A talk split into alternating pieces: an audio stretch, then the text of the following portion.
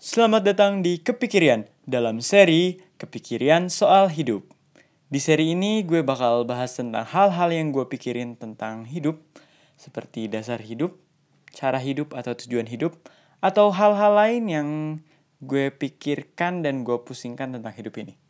Selamat mendengarkan. Assalamualaikum, halo pendengar.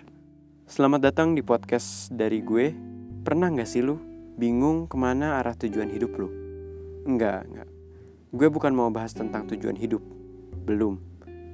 Di podcast kali ini, gue lebih mau ngomongin tentang dasar hidup.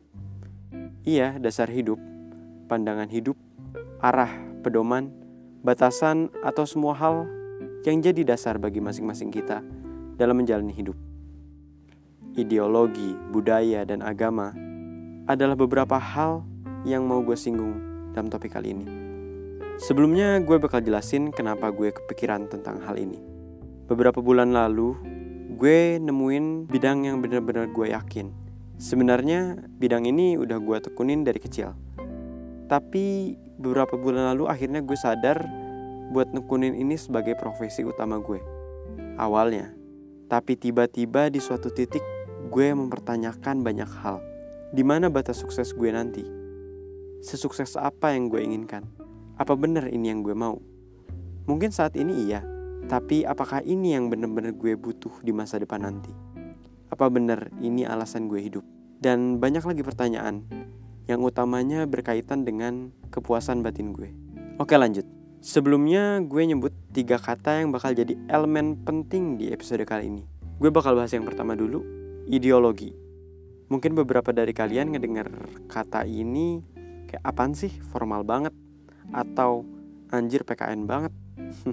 Kalau dari kata KBBI, ideologi itu artinya cara berpikir orang maupun organisasi. Oke, lanjut. Terus budaya. Budaya itu artinya adat istiadat. Yang mungkin beberapa dari kalian tahu contoh dari budaya ini kayak pamali mungkin atau ritual kebudayaan lainnya.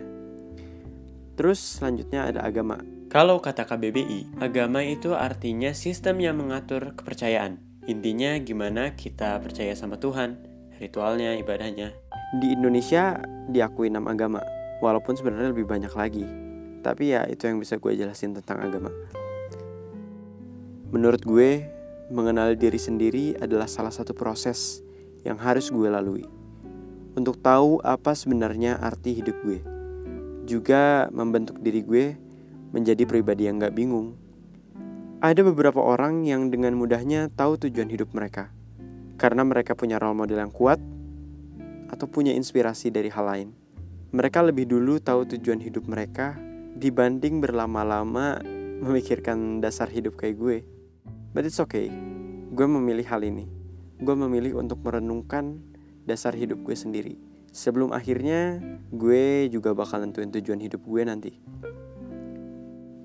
Salah satu yang latar belakangi gue cari dasar hidup ini adalah ya setelah gue berganti haluan dari musik, role model gue yang tadinya di musik ya mau gak mau ganti. Nah terus gue nggak tahu nih di dunia yang baru akan gue selamin ini gimana, siapa yang bagus, siapa yang benar, siapa yang salah. Akhirnya gue balik lagi ke dasar hidup ini agama yang gue tahu, budaya yang diajarkan ke gue, dan ideologi tempat negara gue tinggal didasari dari hal itu. Beberapa orang beda-beda dalam cara nyusun nilai-nilai yang nantinya mereka bawa selama hidup mereka. Kayak misalnya kalau gue contohnya, gue memulai dari mempertanyakan agama gue sendiri. Visi misi agama gue itu apa sih? Setelah gue cukup mengenal agama yang diajarin ke gue sejak lahir, gue mengaitkan hal itu sama nilai-nilai yang gue ambil dan akhirnya gue percayai dari lingkungan entah dari teman, masyarakat yang gue anggap hal itu baik setidaknya dan tidak merugikan. Setelah itu, akhirnya dari agama dan nilai-nilai yang gue ambil di lingkungan, gue nyocokin sama budaya nih. Budaya yang diturunkan dengan pengajaran orang tua gue.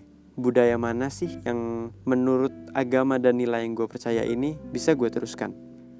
Nah, itu kalau gue. Gue bakal contohin salah satu skenario nyata dari ketiganya. Di episode perkenalan di podcast gue sebelumnya, lo bisa tahu kalau gue keluarga seorang muslim. Dapet tuh agama. Habis itu gue ngejelasin kalau ayah gue suku Jawa dan ibu gue suku Sunda. Dapet tuh budaya, agama dan budaya. Lalu ayah gue kerja di kantor, ibu gue mengurus rumah tangga.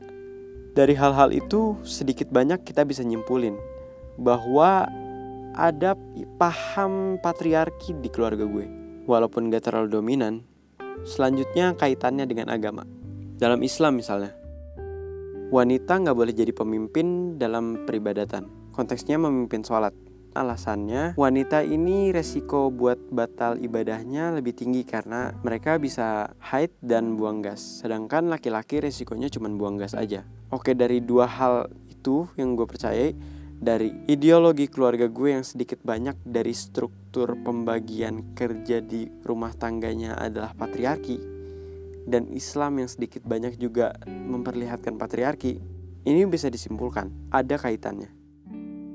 Terus juga ke budaya nah di budaya ini bahkan bisa gue bilang lebih kuat patriarkinya. Kayak misal dari bahasa Jawa katanya wanita itu berasal dari bahasa Jawa yang artinya wani ditata, yang artinya berani diatur dalam bahasa Indonesia.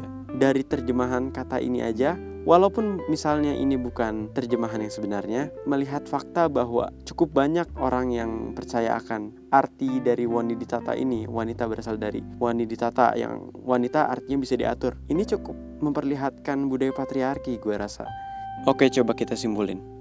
Dari tiga hal yang gue sebutin, keluarga gue dengan ayah gue PNS dan ibu gue ibu rumah tangga. Dan dari muslim yang melarang wanita menjadi imam sholat lalu suku Jawa yang katanya mengasal usulkan wanita sebagai wani ditoto yaitu berani diatur anggaplah hasil dari tiga elemen ini menghasilkan gue yang penganut patriarki.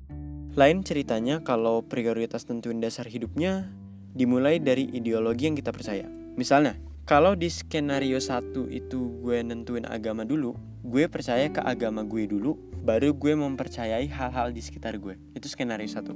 Kalau di skenario dua yang ini, gue mendapat nilai-nilai yang gue percaya dulu, baru gue memilih agama. Oke gini misalnya. Orang tua gue nggak terlalu maksain atau ngajarin pandangan hidup mereka ke gue. Gue cuma dididik secara karakter universal aja dan ilmu-ilmu pengetahuan yang universal Akhirnya mau gak mau gue belajar tentang hidup lebih banyak dari pergaulan gue. Di pergaulan gue ini, gue belajar dan percaya bahwa manusia berhak menentukan hidup mereka sendiri. Gak ada orang lain yang perlu ngatur. Nah, dari situlah gue dapet ideologi liberalisme, kebebasan, kebebasan mutlak setiap manusia. Lalu, walaupun gue udah dapat kepercayaan liberalisme ini, gue akhirnya pada suatu titik merasakan kebutuhan akan Tuhan. Akhirnya gue menentukan untuk mencari agama yang sekiranya cocok sama nilai yang gue percaya yaitu kebebasan. Di agama orang tua gue itu gue menemukan hal-hal yang gue rasa terlalu dibatasi. Yang menurut gue dengan kepercayaan liberal nggak perlu dibatasi. Akhirnya gue pun menganut agama yang cocok sama gue, yang beda dari orang tua gue. Agama yang menjunjung kebebasan mutlak. Atau mungkin gue bisa aja percaya Tuhan tapi gue gak menganut agama apa pun jadi gue berdoa ya berdoa aja sesuka gue. Ya itu kalau skenario kedua. Ideologi dulu baru agama. Gue gak bilang salah satunya buruk atau salah satunya lebih baik. Karena gue percaya orang orang itu sangat unik men. Orang dibesarkan di lingkungan yang berbeda-beda. Tumbuh dengan pola pikir yang berbeda nah ini ini salah satu nilai yang gue pegang. Gue percaya toleransi dengan arti yang sebenarnya yaitu membiarkan orang lain untuk melakukan apa yang tidak kita suka atau apa yang tidak sesuai dengan kita. Kecuali ini merugikan orang lain ya. Kayak misalnya orang mau joget kayak gimana di tempat umum, selama mereka ngikutin norma sosial yang ada, ya silakan. Kecuali kalau gue ngelihat pencurian atau pemukulan tapi gue diem aja atau bahkan ngetawain baru itu salah. Dari dua skenario yang gue ceritain tentang menentukan dasar hidup tadi, gue bakal kaitin sama tujuan untuk mengenali diri sendiri, yaitu biar jadi pribadi yang gak bingung. Misalnya, anggaplah gue lahir di keluarga patriarki. Lalu gue lihat di medsos ada kampanye anti patriarki. Keluarga gue patriarki, gue ngeliat kampanye anti patriarki. Nah, kalau gue libertarian, gue menganut paham liberalisme, gue bakal dukung kampanye itu. Karena patriarki itu artinya laki-laki terlalu mendominasi. Sedangkan di kampanye anti patriarki lebih ke kesetaraan gender. Kalau gue otoritarian, gue mungkin bakal gak setuju sama anti patriarki ini. Atau bahkan mengecam. Karena misalnya, itu berlawanan dengan keluarga gue. Atau sekedar karena gue takut terancam sebagai laki-laki, gue gak mau kedudukan gue terancam dengan gak adanya patriarki. Bisa jadi gitu. Gue percaya ideologi-ideologi yang gue sebutin barusan punya standar benar salahnya masing-masing. Yang salah itu kalau gue gak punya standar benar salah. Misalnya gini, gue gak setuju laki-laki mendominasi. Tapi besoknya gue dukung misogini yang di mana misogini itu merendahkan perempuan. Jadi gue gak ngedukung laki-laki, tapi gue membenci perempuan. Nah kan itu artinya bingung gitu. Kecuali kalau emang lu punya pemahaman yang pasti akan hal itu. Maksudnya gue benci laki-laki, gue juga benci perempuan. Ya kecuali lu punya paham sendiri yang kayak gitu. Selama pokoknya selama lu gak bingung, menurut gue it's fine fine aja. Karena orang punya cara berpikir masing-masing. Tapi lu harus tetap tahu resiko yang bakal lu tanggung dengan menganut ideologi yang mungkin gak populer di lingkungan lu. Dan lagi, menurut gue dalam kehidupan gak ada yang bener-bener salah atau bener-bener benar. Nah lo, kita semua punya standar sendiri di negara, agama, atau diri kita sendiri. Itulah kenapa gue ngerasa butuh buat memahami tiga elemen ini untuk nentuin standar benar salah yang gue anut. Jadi gue bisa bertahan hidup dengan cara yang gak membingungkan. Gue bisa tahu dengan pasti mana yang gue percaya salah dan mana yang gue percaya benar. Oh iya, salah satu alasan gue nentuin dasar hidup gue ini dari agama karena udah ada beberapa kejadian yang gue anggap sebagai suatu keajaiban yang terjadi setelah gue berdoa. Dan gue juga merasakan kedamaian saat mempercayai ini. Menurut gue alasan itu udah lebih dari cukup untuk dijadikan alasan buat percaya dengan agama ini. Ya ini kepercayaan gue. Terakhir untuk menutup. Don't get me wrong, gue gak membenarkan ataupun menyalahkan patriarki, paham, ataupun agama lain yang gue sebut di podcast ini. Bukan berarti gue harus merendahkan lain kan atau gue menghalalkan kekerasan pada perempuan, gak harus kayak gitu. Gue juga berusaha sebisa mungkin gak ngejudge orang yang berpandangan lain sama gue. Mungkin orang yang matriarki, ya udah kalau itu urusan mereka selama ada di circle mereka, nggak mengusik circle gue ya udah, that's okay. Untuk mereka pekerjaan mereka, untuk gue pekerjaan gue. Karena gue percaya pikiran orang itu beda-beda dan menurut gue, setelah mengenal diri, penting juga untuk mengenal orang lain. Biar kita nggak seenak jidat ngejudge orang dengan standar kebenaran yang kita punya. Ingat, orang punya standarnya masing-masing. Kecuali lu di circle yang sama atau mungkin di keluarga lu dan mungkin lu sudah cukup kenal, silakan itu ingatkan. Sesuai dengan standar yang sama-sama kalian miliki. Kayaknya itu dulu yang gue bahas di episode podcast kali ini. Selanjutnya, gue berencana membahas istilah kayak libertarian, otoritarian, paham kiri, kanan, dan beberapa istilah lain. Wassalamualaikum. Sampai di sini.